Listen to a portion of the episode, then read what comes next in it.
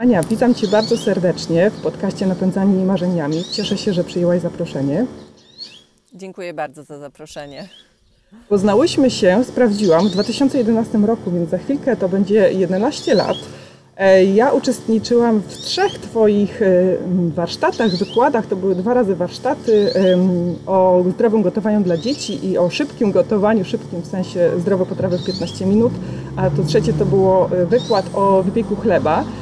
I potem nie miałyśmy kontaktu właściwie takiego osobistego, bo kontakt ja cały czas czuję, że Ty ze mną jesteś na dwa sposoby, poprzez Twoje newslettery i media społecznościowe, a po drugie poprzez jaglankę, która została ze mną po prostu na stałe. Ja ją jadam ze trzy razy w tygodniu na śniadanie, dzisiaj też, y, od tego zaczął się mój dzień. Także naprawdę te, te 9 lat y, no, sprawiło, że, że no, czuję, że jesteś, jesteś mi bliska właśnie poprzez to jedzenie. Będziemy o tym sporo dziś e, rozmawiać. Ale na start chciałabym Cię zapytać o, mm, o początki, tak? bo, bo to nie jest tak, że, że Ty od zawsze byłaś e, doradcą żywieniowym, dietetykiem, tylko na początku skończyłaś studia bardziej w kierunku takim biznesowym i tak jak rozumiem, bardziej wiązałaś swoją e, drogę zawodową z, z biznesem. I w którymś momencie to się zmieniło. Jakbyś mogła nam opowiedzieć, jak to się, jak to się stało? Tak, rzeczywiście. Mm, no, poszłam klasycznie na studia e, po liceum, e, po maturze. E, poszłam na studia, studiowałam w Niemczech, całe studia tam zrobiłam też we Francji, w Stanach. I chyba to jest pokolenie, czy moje pokolenie jest takim pokoleniem, kiedy to największą taką, największym osiągnięciem życiowym było trafić do jakiejś wielkiej firmy, pracować tam, no i zarabiać pieniądze. E, I rzeczywiście mm, ja studiowałam e, w Niemczech kulturoznawstwo, ale to było inne kulturoznawstwo niż w Polsce, bo ono było takie właśnie powiązane trochę z biznesem, z prawem. E, musiałam znać kilka języków obcych też. No i w związku z tym, z tym wykształceniem, które miałam i później i z praktykami, które, które podejmowałam w czasie studiów, E, trafiłam do firmy, e, do działu marketingu. Robiłam najpierw taki trening program e, i później pracowałam w dziale marketingu. Przyznam ci się, że sprzedawałam wtedy słodycze. O kurczę. No, naprawdę, to jest niesamowita droga, ponieważ ja między innymi byłam odpowiedzialna za markę, która mówiła: Jeżeli kochasz swoje dziecko, to daj mu to, co najlepsze. I właśnie witaminki, soczek w tych cukierkach. Owszem, witaminki i soczek był, natomiast e, jako pierwszy składnik, bo oczywiście dzisiaj czytam wszystko, cały skład produktów, które kupuję, więc jako pierwszy składnik, czyli najwięcej czego było, to jest cukier. Także zobacz, jaka ciekawa droga za mną. Nie byłam wtedy tego zupełnie świadoma. No i jak to się stało właśnie, że uświadomiłaś sobie, że co innego jest wa ważne w życiu? No właśnie, y, droga była taka, że no pracowałam w tej firmie przez trzy lata, y, później y, wróciłam do Polski i w Polsce też zetknęłam się od razu z biznesem, bo, no bo jakby nie znałam nawet innej drogi. Powiem, powiem tak, czułam, że coś innego jest mi pisane, ale ja w ogóle nie wiedziałam gdzie, co, tak byłam trochę jakby po omacku. W związku z tym mówię, no okej, okay, po prostu żyłam. Nie wiem, czy można powiedzieć, że żyłam nieświadomie, świadomie, nawet tego nie, nie, nie próbuję jakoś nazwać. Po prostu żyłam w takich realiach, jakie wtedy były. Więc y, trafi, znaczy, próbowałam podjąć y, wtedy współpracę z, z jedną z niemieckich firm, y, no ale skończyło się tak, że jednak otworzyłam własną działalność gospodarczą. E, zrobiłam wtedy tłumacza przysięgłego języka niemieckiego i zaczęłam działać też z pewną organizacją pracodawców e, e, i organizowałam jakby konferencje i seminaria dla firm. I w ten sposób jakby stykałam się cały czas jeszcze z biznesem. No i co? Byłam cały czas sobą, y, gdzie w biznesie różnie to bywało, bo y, czasami ludzie odgrywali różne gry, nie wiem, rozmowy były mm, takie dosyć sztuczne, a ja po prostu, nie wiem, z serca czy z, z tej naturalności mówiłam takie rzeczy, które no może nie wiem, powinno się zachowywać dla siebie albo w ogóle nawet nie rozmawiać na te tematy, bo się o tym w biznesie nie rozmawia. E, wtedy tak myślałam. Natomiast e, nadal uważam, że można być sobą pracując w biznesie. O, dzisiaj mam takie spojrzenie. No i co się stało? E, moim marzeniem od lat było podróżowanie i to była pierwsza moja podróż do Azji gdzie pojechałam z przyjacielem i to było w ogóle no, szczyt marzeń, żeby pojechać do takiego kraju jak Tajlandia. E, to był rok 2004 i e, plan był taki, żeby tam podróżować tylko z przewodnikiem w ręku. Mieliśmy wtedy przewodniki w, rękę, w rękach i podróżowaliśmy tam, gdzie chcieliśmy. Zatrzymywaliśmy się też tam, gdzie chcieliśmy, na jak długo chcieliśmy, więc sami sobie to wszystko organizowaliśmy. E, no i pod koniec naszej podróży, e, niestety, ale dopadło nas tsunami, to słynne tsunami z 2004 roku. E, I no, ja nie byłam tak mocno poszkodowana, ale jednak, natomiast mój przyjaciel był bardzo poszkodowany i jakby można powiedzieć, narażając swoje życie, uratowałam jemu życie. Całą tę historię w dziesiątą rocznicę tego, tych wydarzeń E, opublikowałam na mojej stronie internetowej jako tsunami moje drugie życie, bo rzeczywiście uznaję ten punkt, czyli 26 grudnia 2004 roku, jako e, moment moich jakby nowych narodzin, ponieważ dużo ludzi wokół mnie zginęło, więc to, że ja przeżyłam, e, uznaję za cud. Też w tej historii napisałam, że widocznie mam żyć, więc zaczęłam myśleć, ok, mam żyć. Dlaczego? Ale druga też rzecz i pytanie, które sobie zadałam, czy gdybym zginęła w tym momencie, e, czy moje życie było spełnione? Czy ja jakby żyłam tak, jak chciałam? Robiłam to, co chciałam i czy naprawdę to życie miało e, taki sens dla mnie, oczywiście. I odpowiedziałam sobie na to pytanie. To było bardzo trudne pytanie dla mnie. E, odpowiedziałam sobie, że nie, że jednak to, co robię, y, owszem, jestem sobą, mam pozytywne nastawienie do życia, wszystko jest y, niby fajnie, ale jednak gdzieś y, nie jest to moje miejsce. I splot wydarzeń spowodował, że bezpośredni, bezpośredni splot wydarzeń, właśnie poprzez historię tsunami, spotkałam osobę, która mi powiedziała o medycynie chińskiej. Ja ci powiem, że ja już Wcześniej, w którym to było roku, w 90 chyba drugim albo trzecim, e, spotkałam się w Niemczech z medycyną chińską, ale widocznie to nie był jeszcze czas dla mnie, kiedy e, mogłabym e, rozwijać się w tej dziedzinie. Natomiast czas tsunami to był chyba taki czas właśnie przełomu, kiedy już byłam otwarta na to, żeby, żeby pójść za tym głosem. I i wtedy sobie mm, jakby no, poznałam nauczyciela, y, i tak to się zaczęła, tak się zaczęła moja historia. Później poznałam kolejnego nauczyciela czy nauczycielkę, u której skończyłam dietetykę leczniczą według medycyny chińskiej.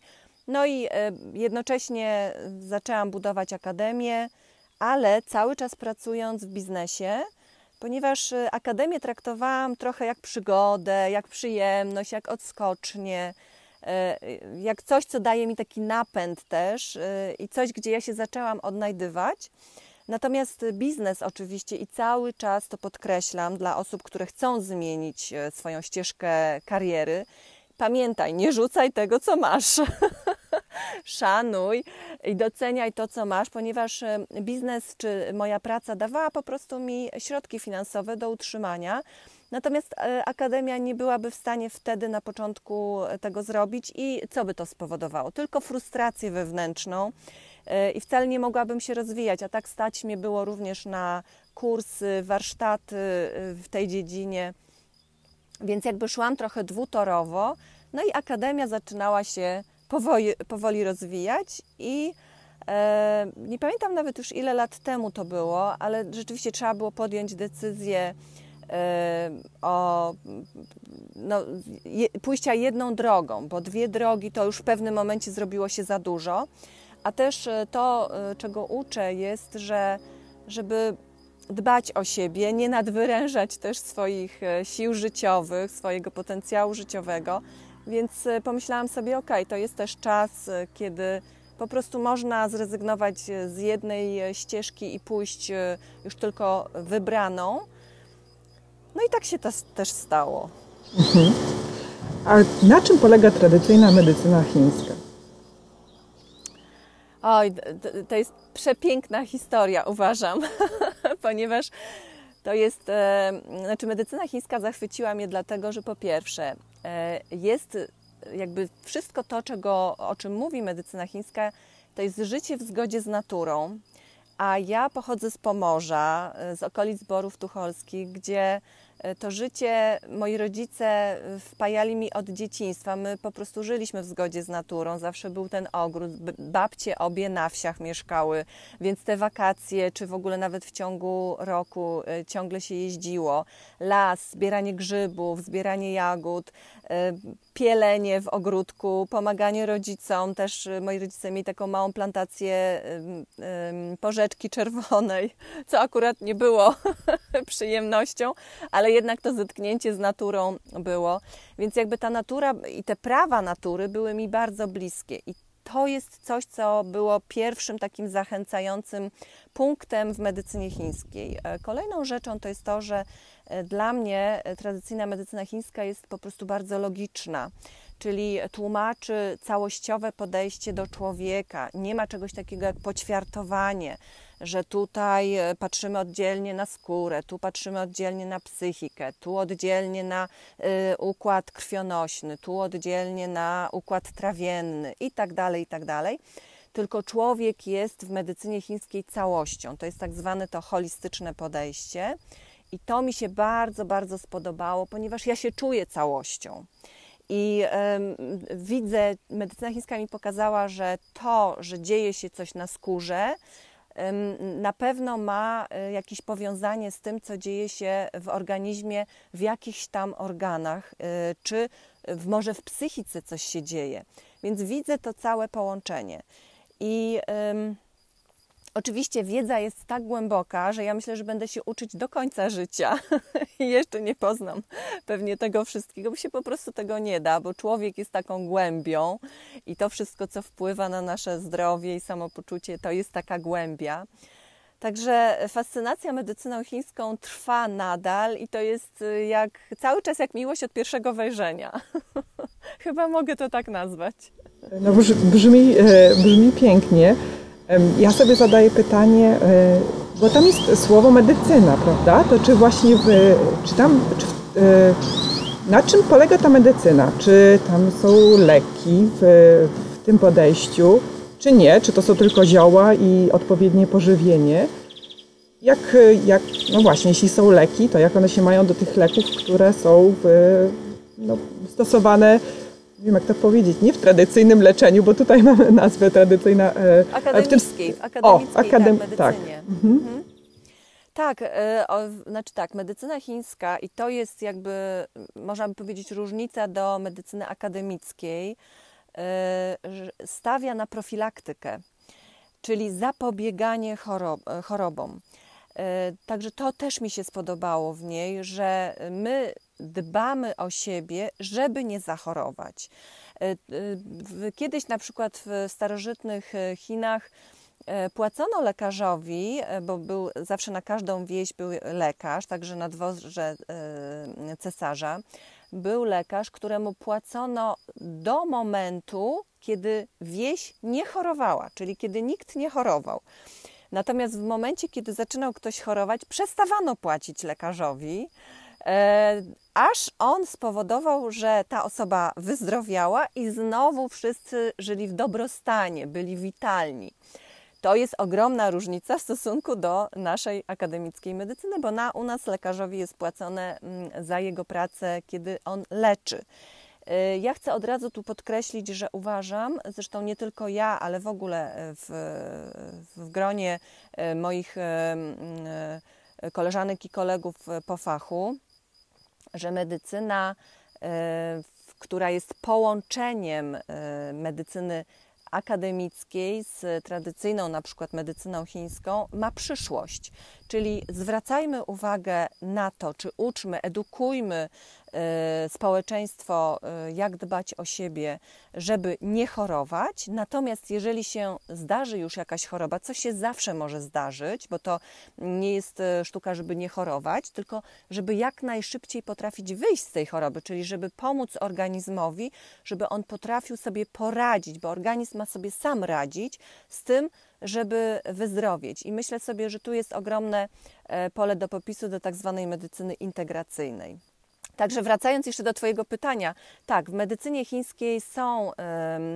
Ja powiem tak, pierwszym podstawą jakby w tradycyjnej medycynie chińskiej to jest dietetyka czyli to, żeby zadbać e, o swój jadłospis, to, co kładziemy na stół, to, co pijemy, w jaki sposób my to czynimy, e, czy my jemy w spokoju, czy e, w pędzie, czy jemy regularne posiłki, czy te posiłki są dostosowane na przykład do pory roku, do klimatu, w jakim żyjemy. Więc tutaj każdy dobry lekarz czy terapeuta tradycyjnej medycyny chińskiej powie o tym jako pierwsze zalecenie, żeby zwrócić uwagę właśnie na swój sposób żywienia. Dalej, jeżeli natomiast dzieje się już coś e, u e, pacjenta, to wtedy można sięgnąć po e, zioła chińskie. I one w dzisiejszych czasach już też są albo takie, że możemy parzyć, gotować, czyli są w postaci suszonej, ale nie w kapsułkach, ale jest też postać, gdzie można skorzystać z kapsułek. E, jest też akupunktura. E, to jest kolejny sposób stymulacji prawidłowego przepływu energii w organizmie. Ćwiczenia, oczywiście, czyli takie zdrowe podejście do stylu życia, oddech, stan emocjonalny, czyli też odskocznia, też ten balans pomiędzy pracą a odpoczywaniem. E, więc jakby na to tak, to wszystko jest medycyna chińska. I jak to się ma, mówisz, do, do akademickiej jeszcze e, tak, e, tak. No tak to się ma, że lekarstwa, które są w medycynie akademickiej, one też powstały z ziół, na bazie ziół. Przecież Hipokrates był, jest tym ojcem medycyny i on mówił o ziołach, więc jakby to leczenie odbywało się na bazie ziół. Później e, farmacja poszła e, w taką stronę, że te lekarstwa zaczęły e, być produkowane z komponentów syntetycznych. Więc jakby w tym momencie mm, od, no od, trochę zostało, ta droga od, od natury zosta, odeszliśmy. Natomiast mówię, to działanie jest tak, jakbyśmy zioła zaparzyli. Natomiast jaki to ma skutek? No jednak ma to skutki też uboczne dla na przykład różnych organów. Bierzemy na nadciśnienie, a ma to skutek jeszcze uboczny na coś tam, prawda? Więc y, tu jest ta różnica, tak. Mhm. Myślę, że bardzo dobrze, y, że powiedziałaś o tym, że jedno nie zastępuje drugiego, taki, że właśnie tradycyjna medycyna chińska no nie jest alternatywą, bo myślę, że część osób może mieć, y, nie jest alternatywą, tylko uzupełnieniem, tak? Y, mm, że obie, y, oba podejścia właśnie najlepiej pewnie jak, jak myślimy o tym, jak czerpać z jednego i z drugiego właśnie, żeby, żeby były jak najlepsze skutki dla, dla nas. I dlaczego to jest ważne? Bo chyba część osób, ja, czy ja tak myślę? Nie wiem, może kiedyś tak myślałam, ale część osób może się obawiać właśnie takiego podejścia właśnie tradycyjnego, że no, użyję tego słowa, że może tu jest trochę szarlataństwa, tak? I że, y, że myślą, że się odrzuca y, tą całą myśl naukową, która przez te lata się zgromadziła. Więc fajnie, że. Asiu, że... mogę Ci mhm. przerwać? Jasne. Ponieważ bardzo fajnie, że to powiedziałaś, tak, bo rzeczywiście ja też się spotykam z osobami, które zadają sobie takie pytania. I ja rozwiewam to w ten sposób, że spójrzmy na to, że lekarze kiedyś, klasyczni lekarze, czyli akademiccy lekarze, o wiele bardziej zwracali uwagę na nasz styl życia Czyli mówiono, proszę być na świeżym powietrzu, proszę odpowiednie pokarmy, tak? Nawet szczegółowiej o tym mówiono, niż dzieje się to dzisiaj. Dzisiaj jednak poszliśmy trochę bardziej w farmakologię, a nie w to, żeby najpierw zadbać o dobrostan od strony takiej, że mm, to pacjent musi wziąć swoje zdrowie we własne ręce, a nie jakby dawać całą odpowiedzialność lekarzowi. E, I rzeczywiście najpierw my możemy zadbać przecież tyle chorób jak cukrzyca, nadciśnienie, czy w ogóle wszystkie choroby cywilizacyjne.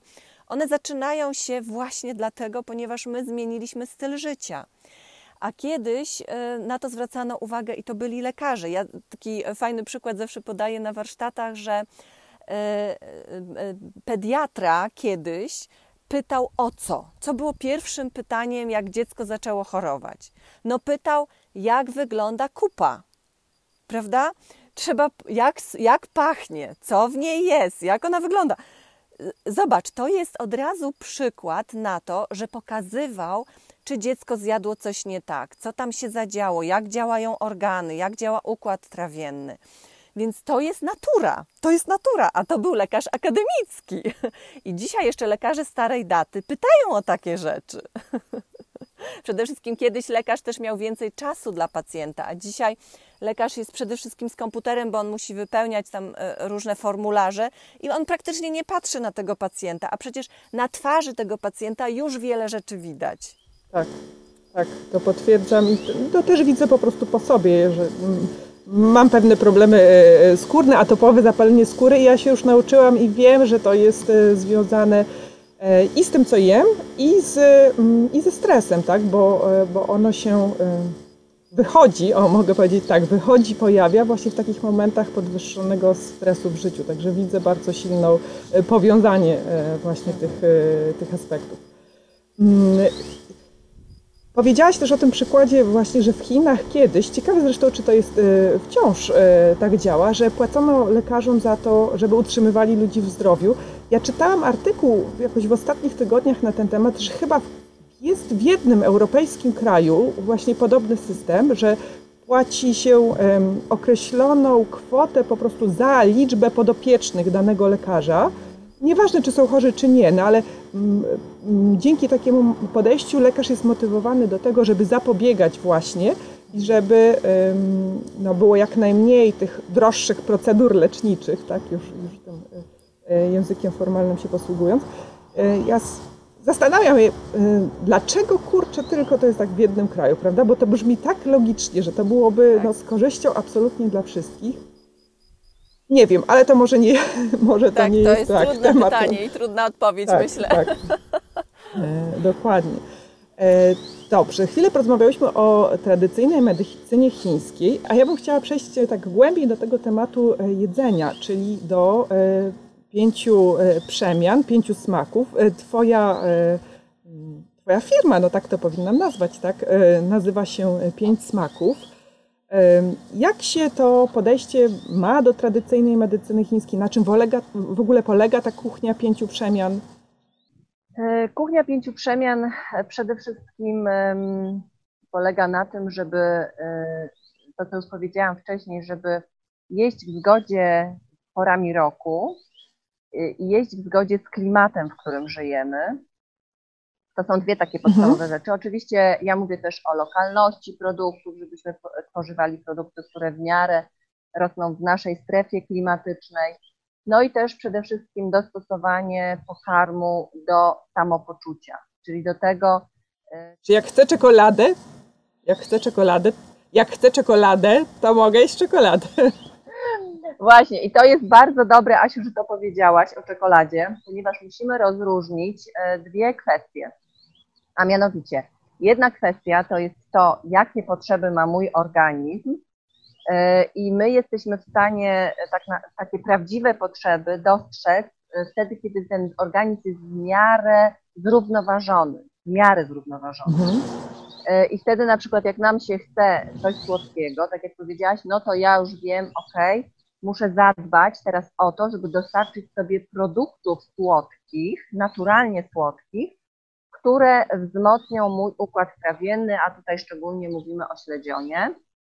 Y, natomiast y, nie cukier, bo ten mhm. cukier po prostu mnie osłabi. Owszem, on mi podbije na chwilę e, ten poziom insuliny i na chwilę da mi energię, ale jeżeli ja już jestem świadoma, to ja już wiem, że jak mi się chce albo mam zachcianki na słodkie, to wiem, że powinnam zadbać teraz o mój jadłospis od strony na przykład y, smaków słodkich, tak? czyli kasza, warzywa w dużej mierze, y, może orzechy jakieś, pestki, y, może tłuszcze, jakieś oleje, masło, jajka, więc to są produkty, które będą mnie wzmacniać i ciekawostką jest to, że po warsztatach uczestnicy jeszcze dwa tygodnie mniej więcej e, ten organizm zaczyna się tam równoważyć i potrzebuje około dwóch tygodni, żeby przestać mieć zachcianki na słodkie.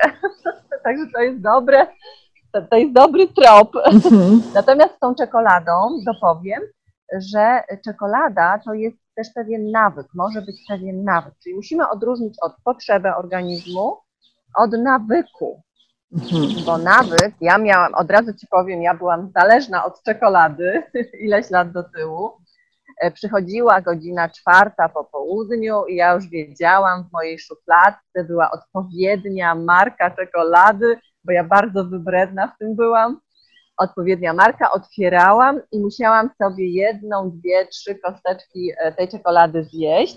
E, no i byłam zaspokojona, tak? Więc to był nawyk, to był nawyk. Mhm. Natomiast e, jak zaczynasz zwracać uwagę na to, co jesz, to e, zaczynasz wykuwać jakby nowe tory i twój organizm jakby zaczyna się równoważyć i rzeczywiście nie ma tych zachcianek, nie ma tych rzutów, że mi się nagle chce to, a nagle to i tak dalej. Mhm. No a jak właśnie, jak to zrobić, żeby to zauważyć? Czy bo modne są też y, posty, oczyszczanie. To czy to jest tą drogą, żeby właśnie przejść najpierw taki proces i wtedy y, i po takim procesie, to już to, co będziemy czuć, to będzie to bardziej naturalna potrzeba organizmu, a nie ten nawyk, czy, czy jakąś inną masz, masz radę?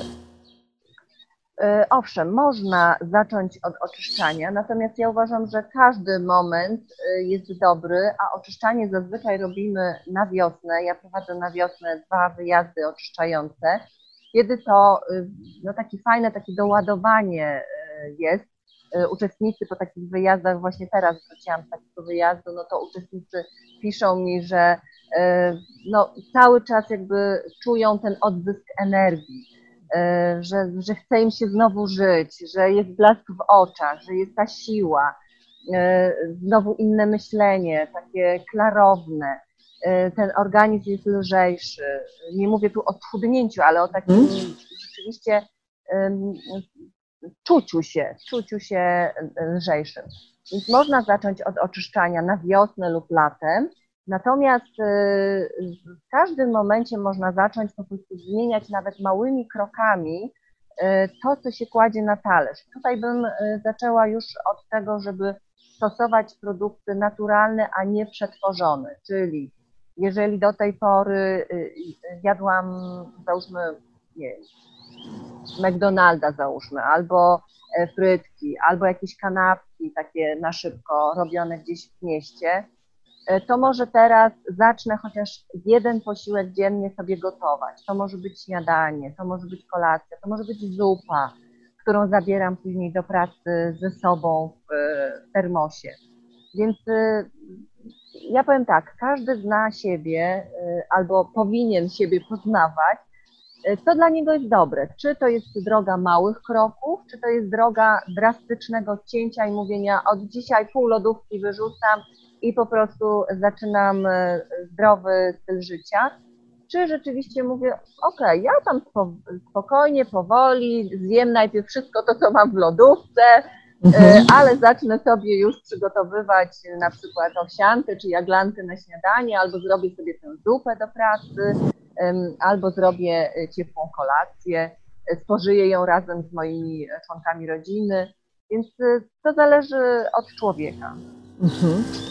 E, no właśnie, bo to jest tak, że ja w którymś momencie, ja, ja też się do czegoś przyznam, powiem tak, że ja, e, sobie teraz w ogóle nie potrafię wyobrazić, jak to się mogło dziać, ale ja na studiach jadłam, a propos medycyny chińskiej, to ja jadłam zupki chińskie. Czyli te zupki, kurcze, które się zalewało wodą, no to było straszne. Ja no, ze wstydem e, myślę o tym, e, ale celowo też o tym A mówię. powiem Ci, że każdy z nas chyba ma ten etap za sobą. Ja też. Okej, no to teraz mi raźniej. I, I w którymś momencie no, zrozumiałam, e, w sumie nie wiem, to chyba przychodzi troszeczkę z wiekiem, jakoś ze świadomością, rozmowami, nie wiem, czytaniem różnych rzeczy. Zrozumiałam, że to było złe i że chcę iść w kierunku bardziej zdrowego stylu życia. I myślę, że idę tymi małymi krokami, ale wciąż mam takie poczucie czasem, że kurczę, ja robię za mało, bo przecież, no żeby tak żyć w pełni naturalnie, no to właśnie powinnam wszystko sobie gotować, w ogóle kupować tutaj od lokalnych e, rolników, e, że e, no, przykładowo gotować zgodnie właśnie z tą zasadą pięciu przemian, że no nie wiem, nie powinnam używać cukru w ogóle, tak? A najlepiej jeszcze, żeby mm, nie stosować detergentów żadnych, że kosmetyki to ekokosmetyki, a jeszcze ćwiczenia, nie wiem, medytacja, mindfulness, e, zero waste i tak dalej, i że robi się tego tak dużo, że to człowieka, mm, no człowiek czuje się, ja tak mam czasami, że no czuję się przytłoczona, tak? I, e, mm, i taka, i myślę, że to też może powodować, że niektórzy no chcieliby, ale się blokują, bo, bo tego jest tak dużo i tak dużo rad, tak dużo różnych rad odnośnie samego jedzenia, prawda? Jest dużo też różnych y, mm, kierunków, diet. y. Jak sobie z tym poradzić? Jeśli ktoś czuje się właśnie tak, tak totalnie przytłoczony, to, to co byś poradziła? Asiu, wspaniale, że o tym mówisz, dlatego że y, ja to widzę też u uczestników, którzy przychodzą na warsztat, y, później kolejny, kolejny, później przez jakiś czas ich nie widzę, później znowu wracają i mówią, Ania, teraz znowu zaczynam od początku. Ja mówię, zawsze możesz zacząć od początku. I to jest właśnie to, że my sobie stawiamy zbyt wysoką poprzeczkę. Tak jak powiedziałam wcześniej, każdy z nas jest inny i każdy powinien e, próbować dostosować e, e, się do swoich możliwości, ale też i do swojego stanu zdrowia, do swojego stanu psychiki. Co my jesteśmy w stanie zrobić?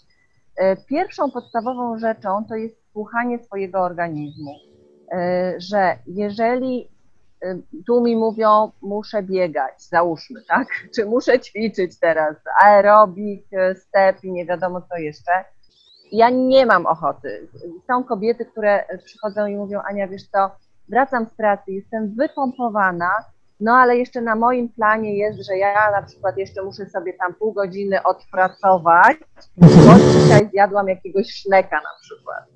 Ja mówię, y, no i co robisz? A ona mówi, wiesz co, no idę, no po prostu robię to, już jestem sadnięta, ale robię to. Ja mówię, no widzisz, no to y, wykraczasz przeciwko swojemu organizmowi, bo twój organizm już nie ma siły na taką, y, na takie wypociny.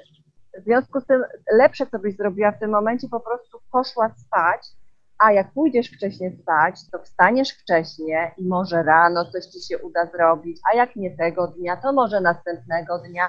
Natomiast oczywiście ważne jest, żeby nie popłynąć w to, tak? I powiedzieć, o, powiedziała, że mam sobie odpuścić, to sobie teraz odpuszczam. Natomiast y, rzeczywiście powiedzieć, ok, no jakąś tam dyscyplinę w życiu dobrze jest mieć dla samego nawet y, dobrego samopoczucia. Natomiast nic nie robimy ponad siły i możliwości swojego ciała, swojego, e, swojego organizmu w ogóle, ciała i psychiki. Więc jeżeli ty mówisz o cukrze, e, owszem, u mnie na warsztatach nie ma cukru, natomiast ja nie lubię ortodoksji i zawsze podkreślam, pamiętaj, grzech jest dla ludzi.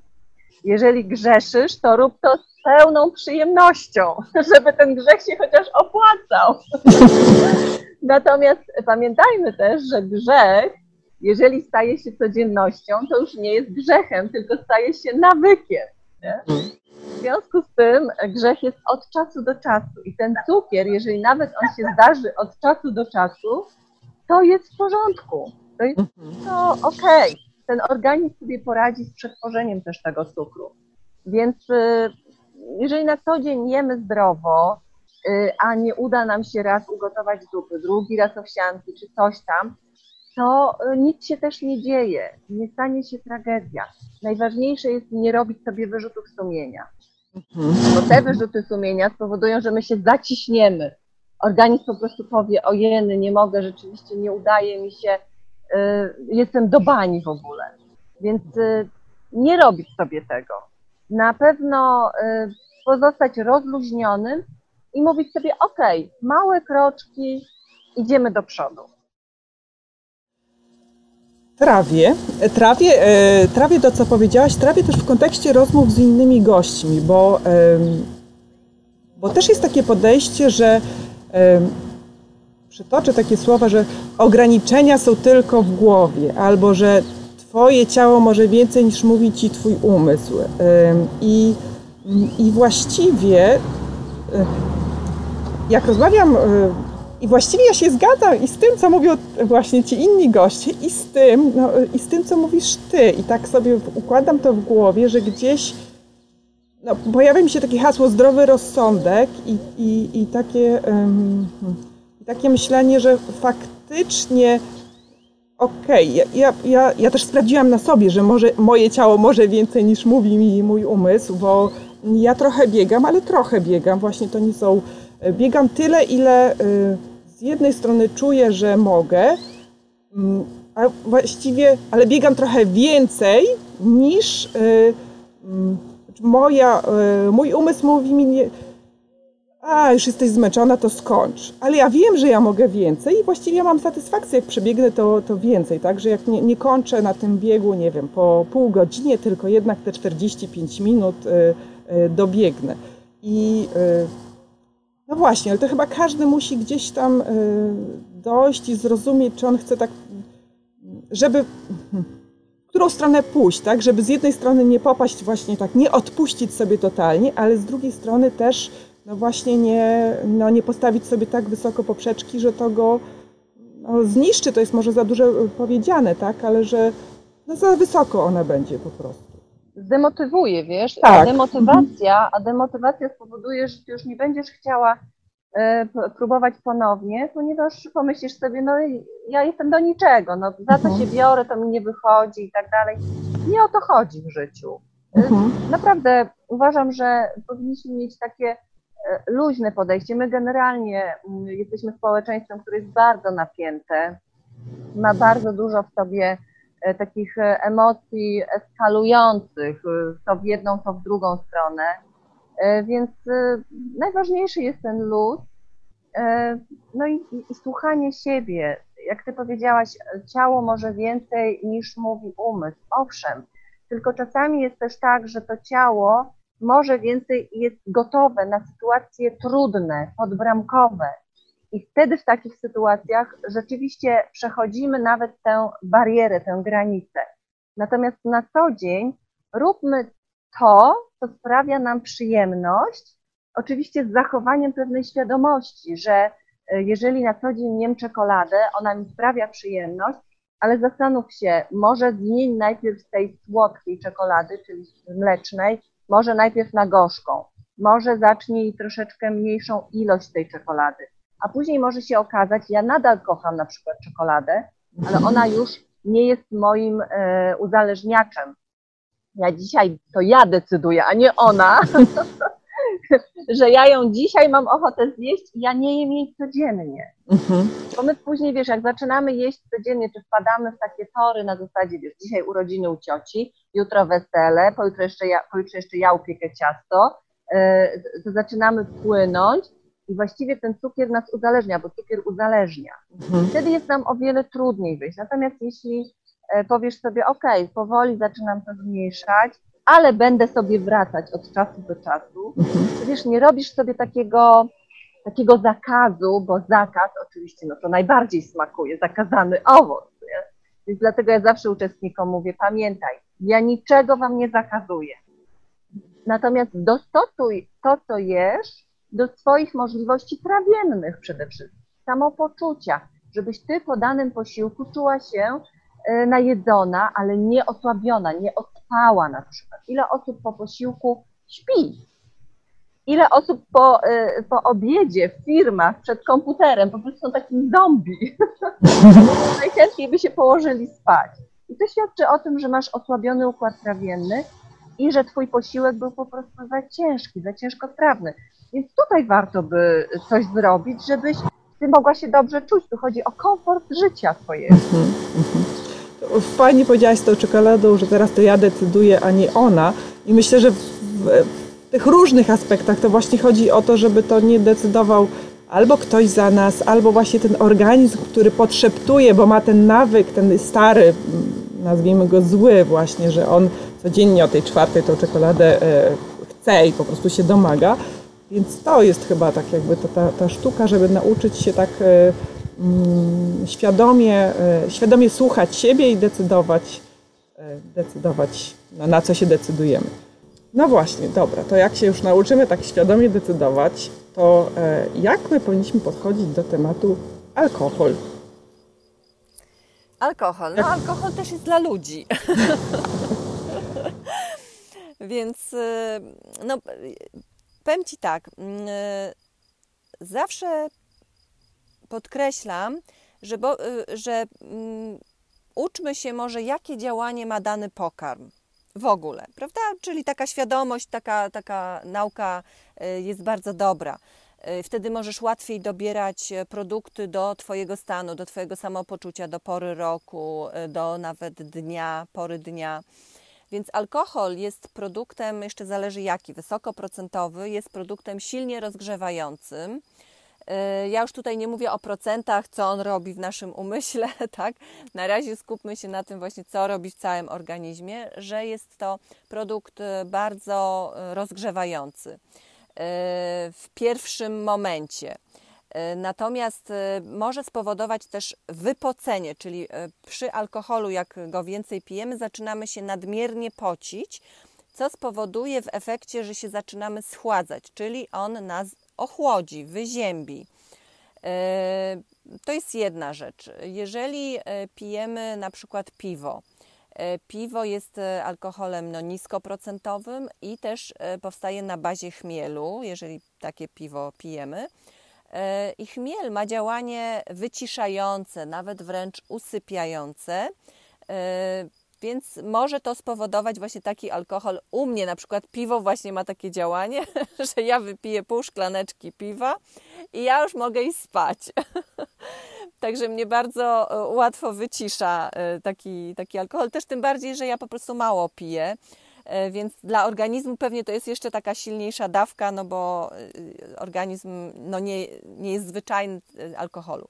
Natomiast na przykład wino białe, wino białe będzie nas też schładzać, a wino czerwone będzie nas, te, nas też lekko rozgrzewać. I nawet powiedziałabym, zarówno wino czerwone, jak i alkohol wysokoprocentowy u osób, które są tak zwane nadmiarowe w medycynie chińskiej mówimy, czyli osoby, które mają czerwoną twarz, jest im gorąco, y, rozpinają się, y, chodzą w krótkim rękawku i w shortach, na przykład zimą aż prawie, tak? To są osoby, które mają tak zwanego dużego, dużo gorąca w swoim organizmie i rzeczywiście e, alkohol typu wino czerwone i e, alkohol wysokoprocentowy będzie podbijał to gorąco, że tym osobom będzie jeszcze bardziej gorąco i w ten sposób one mogą się troszeczkę nawet e, spalać co może też prowadzić do um, takich chorób jak udar na przykład, czy y, zawał serca, bo już jest nadmiar jakby tego, tego gorąca. Więc y, tak to, tak to może być. Ale tak jak mówię, y, alkohol jest dla ludzi, na przykład są też nalewki ziołowe, zresztą będę we wrześniu prowadziła wyjazd ziołowe nalewki i winka dla zdrowotności. Natomiast żeby taka nalewka była dobra dla zdrowia, to pije jej się tylko troszeczkę, może kilka kropli, może łyżeczkę, może e, pół e, e, kieliszeczka małego. Bo dlaczego w ogóle alkohol w tych kwestiach jest też dobry? Ponieważ niektóre substancje czynne rozpuszczają się tylko w alkoholu i alkohol jakby wyciąga z nich to, co jest nam potrzebne. Są też w aptekach pewne syropki, które są na alkoholu zrobione właśnie z tego powodu.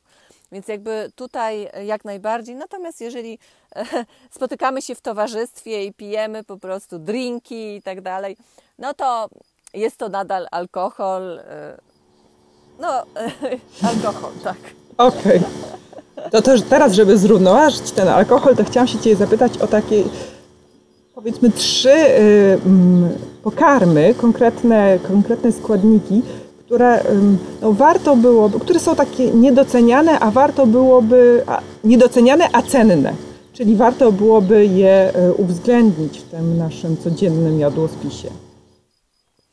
No na pewno y, jedną z, jednym z pierwszych pokarmów to będą wszelkiego rodzaju zupy. Jestem ogromną zwolenniczką zup, e, ponieważ nasze polskie zupy, my w ogóle żyjemy w kulturze, w tradycji zup. E, u nas gotowało się zupy zarówno na śniadanie, były to takie zaliwajki czy barszcze białe, żury. One były właśnie na śniadanie jedzone z jajkiem, może ziemniaki były do tego, może jakieś skwarki, nawet jeżeli ktoś je mięso, może jakaś kasza jeszcze dodatkowo, może pajda chleba. Więc e, to był posiłek, e, gdzie e, ludzie po takim posiłku musieli iść w pole pracować, więc oni musieli dostać siłę z takiego posiłku. I zobacz, to były zupy, to nie była kanapka, to nie był zimny pokarm, tylko ciepła strawa, kiedy ten rolnik szedł, czy gospodarz szedł w to gorące pole, można by powiedzieć, ale w jego żołądku było ciepło, więc on miał też, dostawał też siłę z tego pokarmu.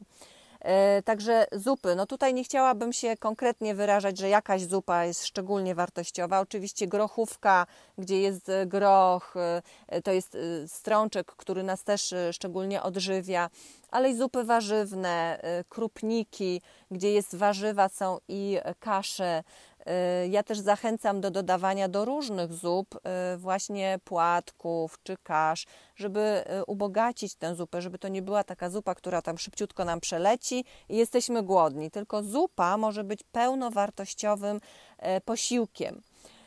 Także to myślę, że jest jedno. Na pewno w naszym klimacie są za mało doceniane buraki którym e, też daje wysoki, jakby wysoką rangę. Chociaż powiem Ci szczerze, że trudno mi jest tak e, powiedzieć, że coś jest bardziej wartościowe od czegoś, bo jakby wszystkie warzywa są bardzo wartościowe, ale może skupię się bardziej na tym, które są niedoceniane. No właśnie. Właśnie buraki, buraki są takim, e, takim warzywem niedocenianym u nas. E, a przecież z buraków można zrobić nie tylko barszcz czerwony na wigilię na przykład, ale można zrobić i e, sałatkę, więc na przykład ja gotuję buraki czy piekę buraki, zostawiam je na kilka dni, więc mam codziennie, mogę je w różnej wersji, mogę je do gulaszu na przykład dodać, e, mogę je do jakiejś sałatki na zimno, mogę na sałatki na ciepło dodać. Więc y, no, w, różnej, w różnej formie. Oczywiście kwas buraczany, y, do którego y, zachęcam od lat, żeby go robić. U mnie na stronie jest przepis na taki kwas buraczany. Podlinkujemy. Do... Słucham? Podlinkujemy. Dobrze. Ponieważ to jest, to jest naturalny probiotyk, więc jeżeli jemy ogórki kiszone i kapustę kiszoną, które to są wspaniałymi pokarmami też w naszej kulturze, to sięgnijmy po kolejną kiszonkę, czyli kwas buraczany i te buraki z tego kwasu możemy też używać jeszcze do e, sałatek e, czy do barszczu nawet e, czerwonego pod koniec dodając. Co będą robiły buraki? Buraki świetnie wzmacniają układ krwionośny, bardzo odbudowują krew, dodatkowo oczyszczają układ trawienny, szczególnie tutaj jelita. A zawsze podkreślam, codzienna kupa musi być. Więc my powinniśmy się codziennie wypróżniać, załatwiać, ponieważ wtedy y, organizm się naturalnie oczyszcza. Jeszcze wracając do tego wątku z oczyszczania, o którym wcześniej sobie powiedziałyśmy, że jeżeli zadbasz o codzienny stolec, to ten organizm też zacznie y, y, lepiej funkcjonować, bo będzie mu łatwiej się regulować.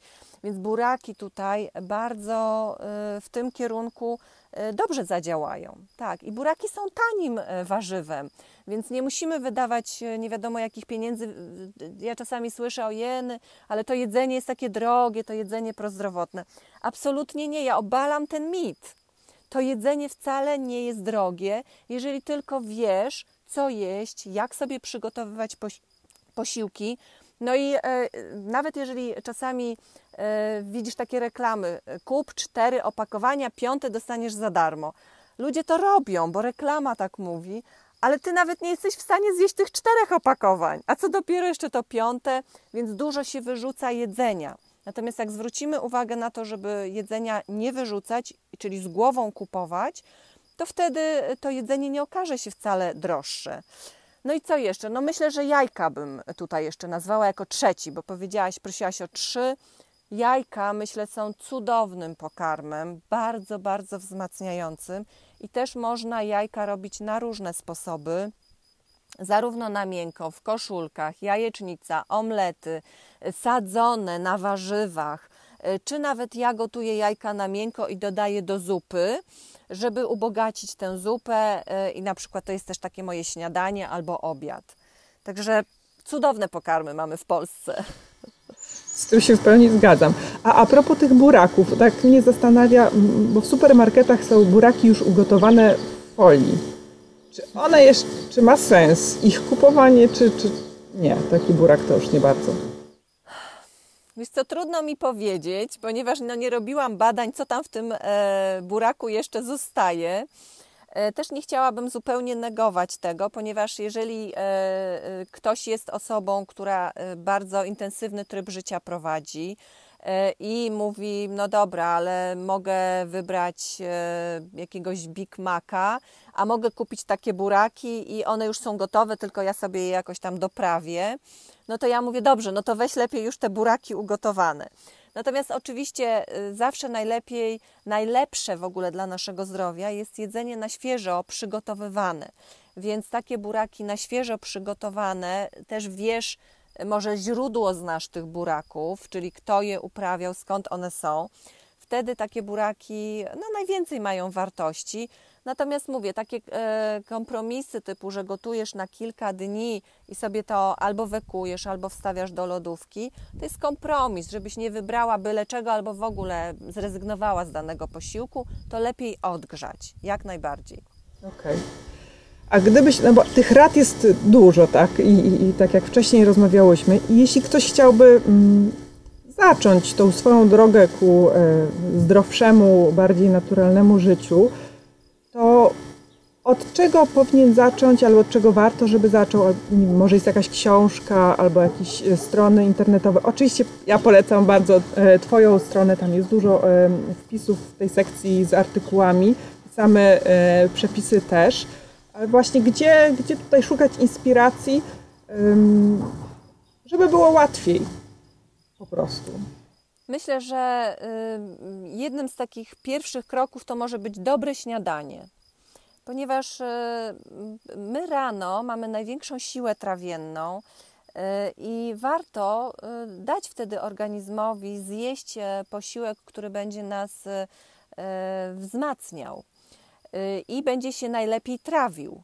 Dlatego może warto zacząć od śniadania. Może dla kogoś warto zacząć od spaceru, bo do tej pory ten ktoś przebywał non-stop tylko w czterech ścianach, czyli dom, praca, dom, praca, ewentualnie zakupy.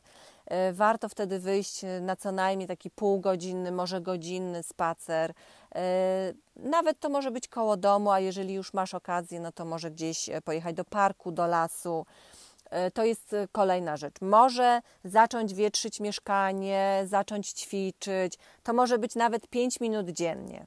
Także nie zaczynajmy od razu, ojej, tutaj teraz godzinę sobie będę ćwiczyć. No dobrze, dzisiaj godzina, jutro powiesz, a już nie mam czasu. E, no więc zacznij chociaż te 5 minut. Dzisiaj, jak chcesz, to zrób godzinę, ale jutro zrób chociaż 5 minut. E, może e, zapytaj mamę, albo babcię, albo ciocię, zapytaj o e, jakiś sprawdzony przepis na zupę, który robiło się u ciebie w domu. To będzie też takie fajne połączenie różnych generacji. I w dodatku odkryjesz też, że możesz się bardzo dużo nauczyć od innych pokoleń czy od innych członków Twojej rodziny. Jeżeli masz dzieci, zaangażuj dzieci do pracy w kuchni to będzie najlepsza integracja, jaka może Wam się zdarzyć, ponieważ e, na początku e, czasami rodzice właśnie do mnie mówią, ale wiesz co, Ania, ja wolę szybko sama to zrobić, bo wtedy mam spokój.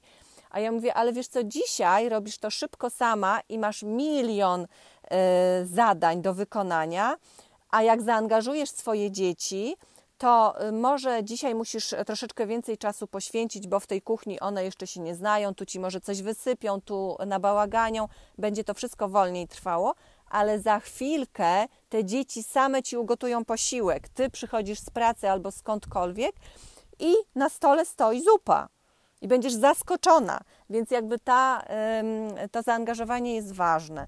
Także można zacząć e, od czegokolwiek. Oczywiście ja zapraszam na warsztaty. Teraz prowadzę warsztaty wyjazdowe, e, na których e, mamy zetknięcie 24, czyli jak potrafi wyglądać doba, 24 godziny czyli jak wyglądają posiłki. Mamy trzy posiłki dziennie, mamy codziennie rano jakiś rozruch, mamy jakieś wykłady, też są warsztaty gotowania, czy pieczenia chleba, czy robienia zakwasu buraczanego właśnie, czy jest jakaś e, wizualizacja, medytacja. Dla mnie medytacja to modlitwa też, także e, tutaj to spojrzenie na ten temat jest takie samo, że tak powiem, czyli to zdrowie psychiczne. Jest trochę pracy z ciałem, no i wczesne chodzenie spać. Także tego wszystkiego uczestnicy doświadczają na e, takim wyjeździe. Teraz wakacje akurat tygodniowe wyjazdy, a w ciągu roku są cztero i pięciodniowe. E, jeśli chodzi o książki, no jest tak dużo książek na rynku, że myślę, mm, żeby jakby trudno mi nazwać tutaj konkretną jakąś książkę, natomiast e, można czytać czy artykuły na stronach internetowych, ale być świadomym tego, że czy to jest dla mnie, czy ja tak chcę iść, yy, takim selektywnym trochę być, czyli nie łykać wszystkiego yy, jak gęś, prawda? I mówić, o tak, tutaj powiedzieli to, czy tutaj powiedzieli tamto, tylko być, zachować też ten zdrowy rozsądek i tak jak mówię, porozmawiajcie też, czy, żeby, żeby porozmawiać też z babcią, która opowie, jak to było kiedyś. Ludzie kiedyś naprawdę bardzo mądrze żyli i nie było żadnej edukacji. Oni po prostu żyli blisko natury, w zgodzie z naturą i oni wiedzieli, że to się robi tak, a to się robi tak. I e, z tego jeszcze warto poczerpać. Tak. Tak, pamiętam, no, e, e, moje babci, dziadkowie e, już nie żyją, ale Pamiętam bardzo dobrze właśnie kanapki z masłem z suszonymi ziołami, które babcia samodzielnie we własnym ogródku e, uprawiała i potem suszyła i to był przysmak wszystkich wnuków właśnie, ta kanapka z suszonymi ziołami, tak. Jako jeden z przykładów różnych e, fajnych rzeczy, które babcia robiła. Tak, i kiedyś to faktycznie było tak, że tego nie trzeba było się uczyć, bo człowiek rósł właśnie w takim e, duchu i po prostu przebywając w domu, to nabywał tych umiejętności. Tak, nasiąkał tym. I tak. dlatego ja mówię, żeby dzieci nasiąkały też tym zdrowym stylem życia, a my jako rodzice dajemy przykład. Aniu, ja Ci serdecznie dziękuję za tą rozmowę. Myślę, że masa inspiracji i, e, i mam nadzieję, że dużo z osób, które, które nas będą słuchać i oglądać, taki chociaż jedną rzecz wezmą właśnie z tej rozmowy dla siebie i, i zaczną tą przygodę z, e, z zdrowszym stylem życia od pierwszego małego kroku. Podlinkujemy Twoją stronę, wpis, też ten wpis od tsunami, tak, który jest silny, taki jak się go czyta, e, ja, czuć bardzo te emocje i właśnie, że on jest e, tym momentem, był tym momentem zwrotnym takim w Twoim życiu. Stronę z warsztatami, e, Twoje media społecznościowe, żeby właśnie osoby też, które chcą, chcą iść w tym kierunku zdrowszego życia, mogły nawet poprzez taki kontakt z Twoimi wpisami czerpać dalej inspirację. Fajnie. Ja również bardzo dziękuję i w ogóle cieszę się, że się mogłyśmy chociaż w ten sposób spotkać po latach. Ja Cieszę myślę, że na się. tym się nie skończy, że to nie będzie jedyny, ale to już e, poza tutaj e, oficjalnym nagrywaniem. Dobrze, cudownie. Także bardzo dziękuję za zaproszenie i, i cieszę się, bo y, ja wiem, że y, budujemy społeczność y, osób świadomych, y, żeby i tym osobom się dobrze żyło, ale i my, nam, żeby się lepiej żyło wśród takich osób. Dlatego warto, ja zawsze proszę uczestników, budujmy razem e, taką społeczność, żeby, e, żeby po prostu świat się zmieniał w ten sposób, że my się zaczniemy zmieniać, a przez nas e, zaczną się inni zmieniać, bo będą na nas patrzeć i będą mówić: Ojej, no ja też tak chcę mieć dobrze, ja też chcę być taki zdrowy, witalny, taki piękny, prawda? Więc jakby e, super, zachęcam do budowania tej społeczności i również dziękuję bardzo za tę rozmowę. Dokładnie tak. Dzięki.